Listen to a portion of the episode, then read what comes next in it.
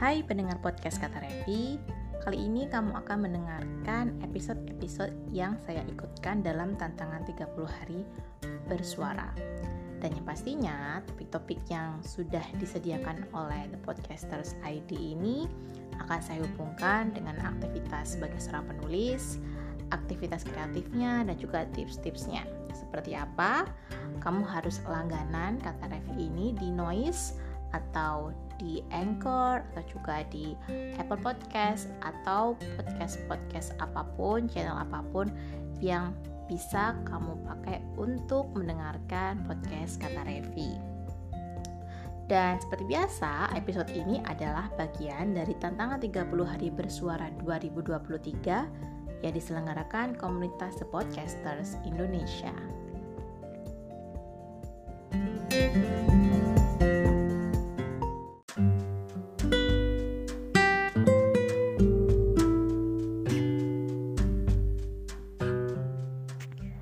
Hai pendengar podcast Kata Revi Kali ini saya akan membahas mengenai apa sih esensi dari passion menulismu Jadi biar kamu tahu selama ini kalau kamu emang ingin menjadi penulis novel, freelance writer, copywriter atau apa pun itu yang terkait dengan kepenulisan Apakah benar itu memang passion yang perlu kamu tekuni untuk kamu monetizing atau hanya sekedar sebagai penyaluran ide kreatif saja? Karena ada beberapa hal penting yang perlu kamu ketahui sebelum kamu membayangkan gitu ya oh nanti kalau aku latihan aku akan dapat duit dari nulis atau dapat side income. It's okay. Karena saya sendiri juga sebagai seorang pekerja saya juga melakukan hal tersebut. Tetapi perlu kamu ketahui bahwa ada hal-hal yang kalau udah dijadikan pekerjaan atau katakanlah side hustle yang katanya bukan pekerjaan utama sekalipun itu juga pasti ada yang suk ada dukanya, ada pahitnya gitu kan. Karena kita need effort berlebih untuk bisa mendapatkan uang dari ide-ide kreatif kita. Nah, saya menanyakan kembali lagi. Jadi uh, podcast ini sebenarnya lebih ke pertanyaan-pertanyaan reflektif buat kalian yang pengen mencari arti atau makna sebenarnya atau bahasa ini ya bahasa agak sulitnya esensi. Apa esensi dari passion menulismu? What is the meaning of it? Apakah memang ini menjadi jalur yang harus kamu kuasai? Apa risikonya? Bagaimana kamu ingin mencapai tujuan tersebut dan mengapa kamu harus mencapainya? Jadi sebenarnya setiap kali saya ingin melakukan atau menekuni suatu hal, mulai dari menulis, lalu belajar bahasa asing, salah satunya bahasa Jepang, saya selalu menggunakan tiga pertanyaan tersebut bahkan sejak saya masih SMP karena saya mulai tertarik untuk lebih menekuni bahasa selain bahasa asing itu munculnya mulai SMP. Saya tanyakan apa yang ingin saya capai, mengapa saya harus mencapainya, dan bagaimana saya akan mencapai tujuan tersebut.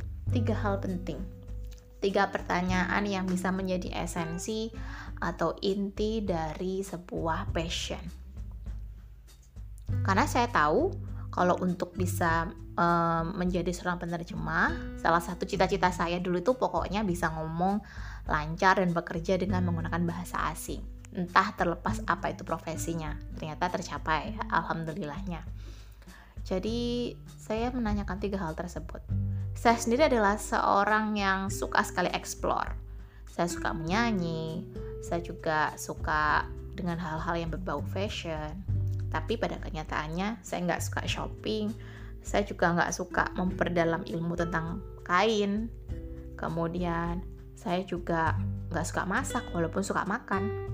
Jadi ada banyak hal yang saya eksplorasi dan berusaha saya cari esensinya. Akhirnya dengan menggunakan tiga pertanyaan yang tadi apa, mengapa, dan bagaimana saya mencapai satu tujuan bahwa oke, okay, I will write. Tapi ketika sudah masuk ke hobi sebagai seorang penulis, saya juga perlu mempertajam lagi. Ini bukan soal niche ya. Kalau niche itu sudah berbeda topik. Ini adalah esensi. The root of your action. Akar dari semua aktivitas atau kegiatan yang kamu anggap sebagai passion. Karena banyak sekali orang yang pindah-pindah hobi, pindah-pindah pekerjaan hanya dengan mengatakan it's not my passion. Gitu katanya. Padahal mungkin dia hanya ya eksplorasi aja. Kalau orang sudah passion tanpa dibayar pun atau dibayar sedikit dia akan tetap berusaha sampai menemukan titik atau timingnya hingga dia bisa dibayar mahal. Seperti halnya saya saya tahu bahwa menulis belum bisa dibayar mahal gitu fluktuatif lah ya. Kadang saya dibayar 100 ribu pernah saya dibayar uh, satu artikel dibayar 100 USD yang kalau di kurs rupiah jadi 1.500 tetapi saya tetap melakukan aktivitas menulis ini di samping pekerjaan utama saya. Karena one day I have a big dream. Kalau suatu hari nanti saya nggak kerja katakanlah karena berkeluarga atau memang simply ingin uh, apa ya bebas mengatur waktu walaupun tetap ada titiknya bahwa sebebas-bebasnya seorang freelancer pastinya dia akan punya timing atau punya slot waktu untuk bekerja di rumah atau di mana aja ya kan? Jadi nggak nggak semena-mena freelancer terus nggak ngapa-ngapain ya kan? Jadi seperti itu. Saya memikirkan oke okay, walaupun mungkin butuh waktu lama dan mungkin saya belum dibayar mahal I will take my time because it's my passion dan siapa bilang, walaupun saya sudah bisa menjawab tiga kata tanya tadi, apakah saya akan selalu happy all the time ketika menulis? Enggak juga. Karena saya juga mengalami masa-masa persimpangan. Ketika nulis fiksi, saya juga pengen nulis fiksi genre ini itu.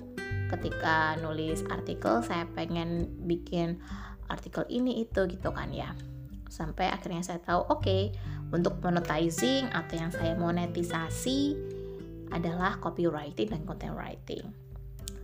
Selain itu saya baru belajar SEO. Ini bukan ranah saya. Tetapi kalau untuk menulis artikel yang SEO friendly, I can write it. Aku bisa nulis itu. Gitu dalam hati saya.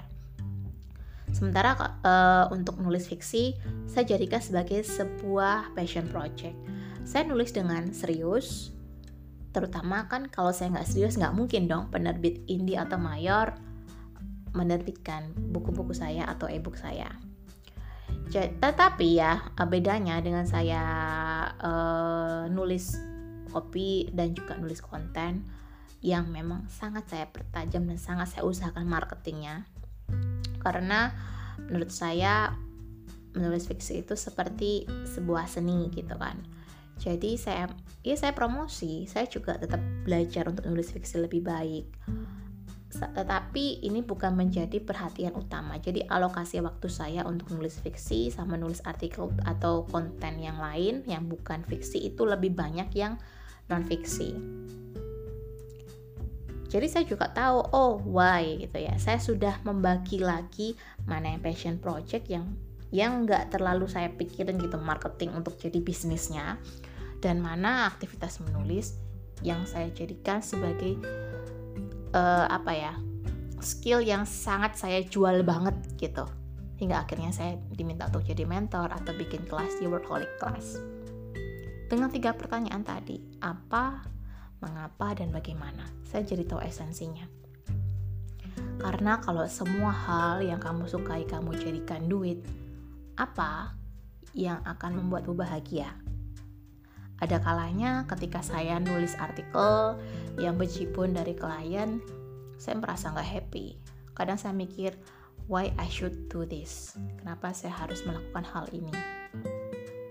Saya mencari tahu lagi esensinya. Oh ya sih, ini yang saya mau gitu kan. Karena suatu hari saya pengen banget uh, bisa menghasilkan uang banyak dari menulis.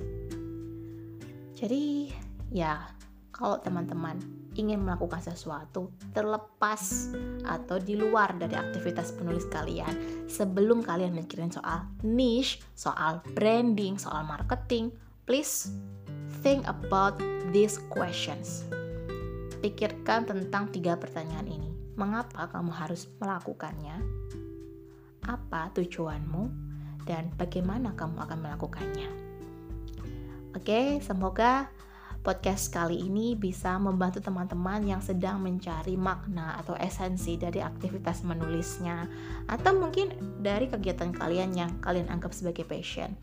Semoga bermanfaat buat teman-teman dan jangan lupa untuk langganan podcastnya di Noise, di Spotify, di Google Podcast, Apple Podcast, Anchor, Oh, Anchor sekarang udah nggak ada ya karena udah jadi Spotify Podcast. Dan jangan lupa juga follow Instagram Kata Revi ke ATA underscore R E F F I. Sampai jumpa di podcast Kata Revi berikutnya.